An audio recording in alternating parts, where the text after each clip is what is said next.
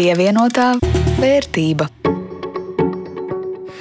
Sveicināti! Jūsu uzmanībai raidījums par norisēm ekonomikā, biznesa un naudas lietām. Pievienotā vērtība. Studijā Jānis Ramāns no Latvijas radio un Rudīts Pakausks no Latvijas televīzijas.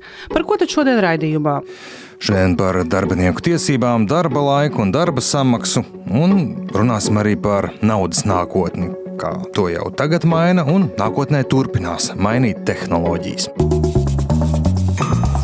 Pievienotā vērtība.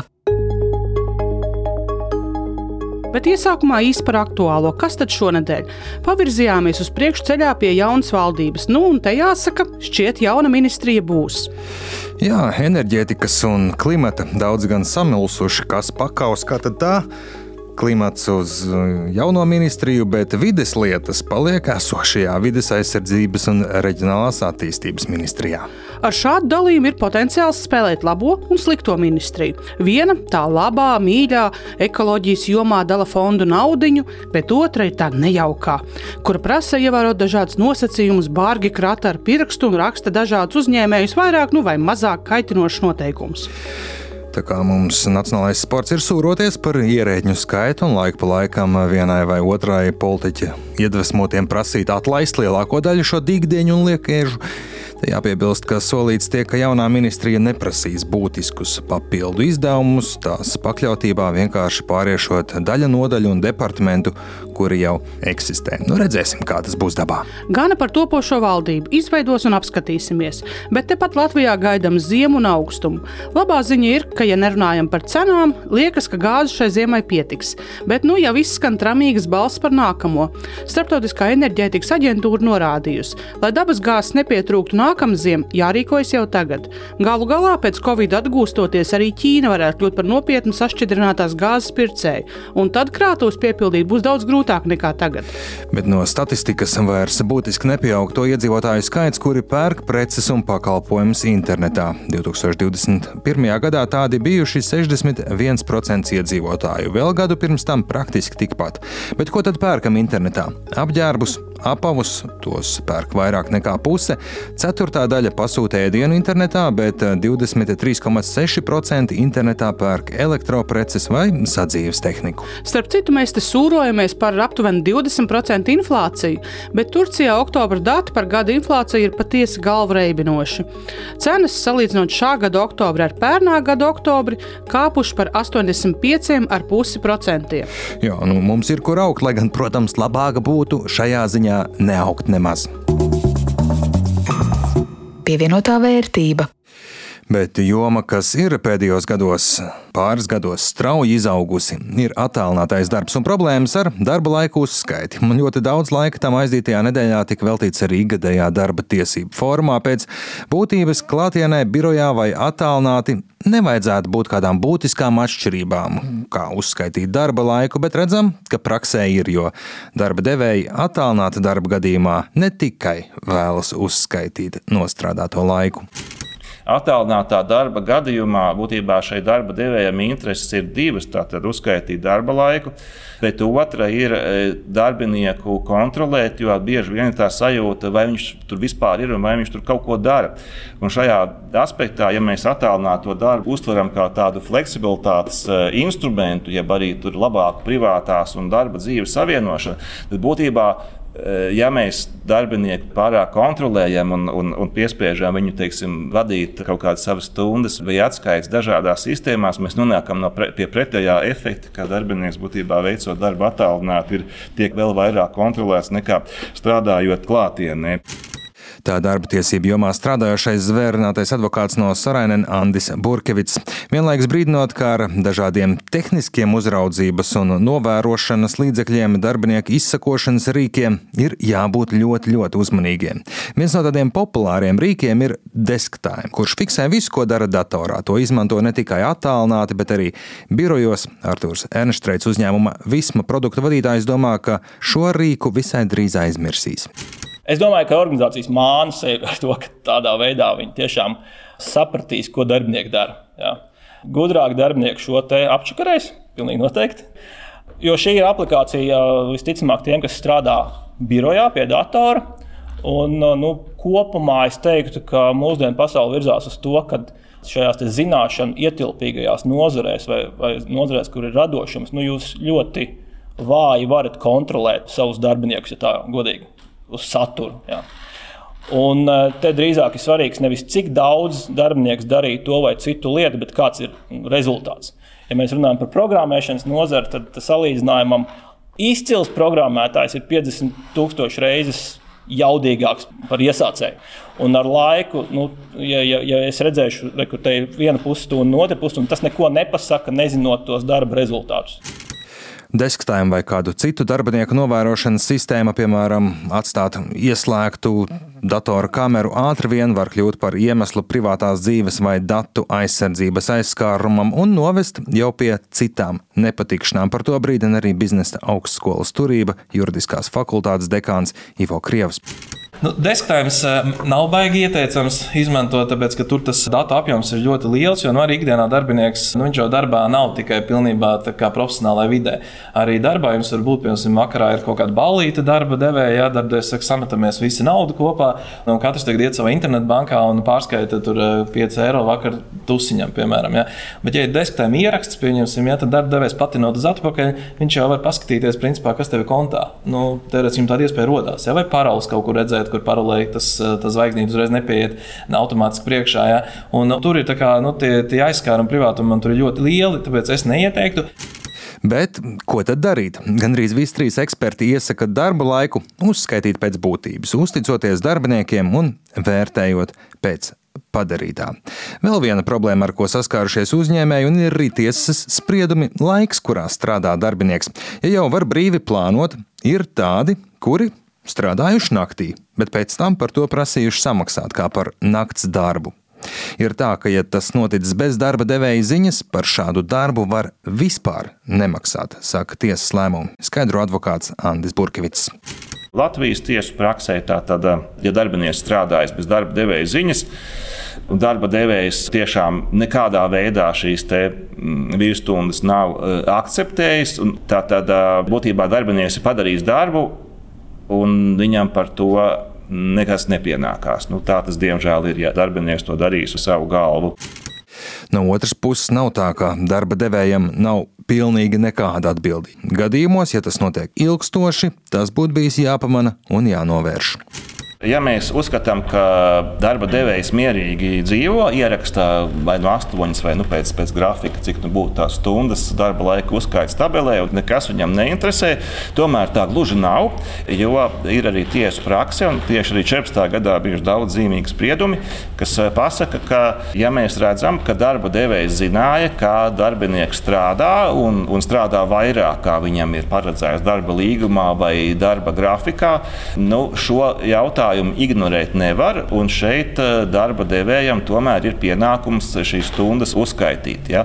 Un tā pareizā rīcība būtu, protams, ja tas ir viens vai divi gadījumi, droši vien par to neviens nestrīdēsies, bet eh, šajos strīdos ir tas laika posms eh, visās lietās bijis ilgāks par pusgadu. Tātad, nu, neuzskaitīts darbs ir strādāts teiksim, tik ilgi, lai darba devējām nu, būtu iespēja to pamanīt bet noslēgumā vēl aicinājums pret darba laika uzskaits tabulām izturēties nopietni un lai tās atbilst tam, kas arī ir realitātē. Pat ja kādu iemeslu, visbiežāk ēnu ekonomikas iemeslu dēļ, pret neprecizitātēm neviens neiebilst, izņemot vienu.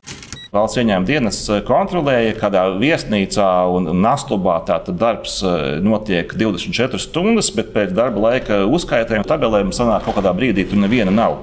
Un šeit eh, uzņēmums argumentēja, nu, kā tad, kā tad tā, darba laika uzskaits tabelēs laiks neparādās, darbinieki nav neko prasījuši, bet nu, mums tiek piemērots kaut kādas sankcijas. Jā, nu, šeit būtībā tiesvedība bija diezgan gara un ar mainīgiem rezultātiem, bet nu, būtībā augstākā tiesa pateica, ka jā, ka jā, valsts ieņēmuma dienestam ir saprātīgas eh, tā, aizdomas, ka darbinieki jebkādā veidā tomēr kompensāciju par darba laika uzskaits tabelēs nenorādītām stundām ir saņēmuši, tad vairāk viņiem nekas arī nav jāpierāda. Līdz ar to, ja arī darba laika uzskaits tabelēs neparādīsies precīzi darbinieka nostrādātās stundas, un varbūt pat darba devējs un arī darbinieki kaut kādā brīdī ar to būs apmierināti un mierā sev vien zināt, zinām iemeslu dēļ ir, ir, ir vēl trešais spēlētājs, kas to varētu pārbaudīt. Pievienotā vērtība. Tik tālu par darba tiesībām, bet turpinājumā par naudu un to, kā tās attīstību ietekmē tehnoloģijas. Ir laiks, kad teju katra lielā kompānija domā par kādu savu veidu digitālo naudu. Kriptovalūtas spekulē biržās, un aktuāls ir jautājums, vai tādu fizisku papīru un metāla naudu vispār mums vajag. Linda Zalāna skaidro, kāda varētu būt naudas nākotne.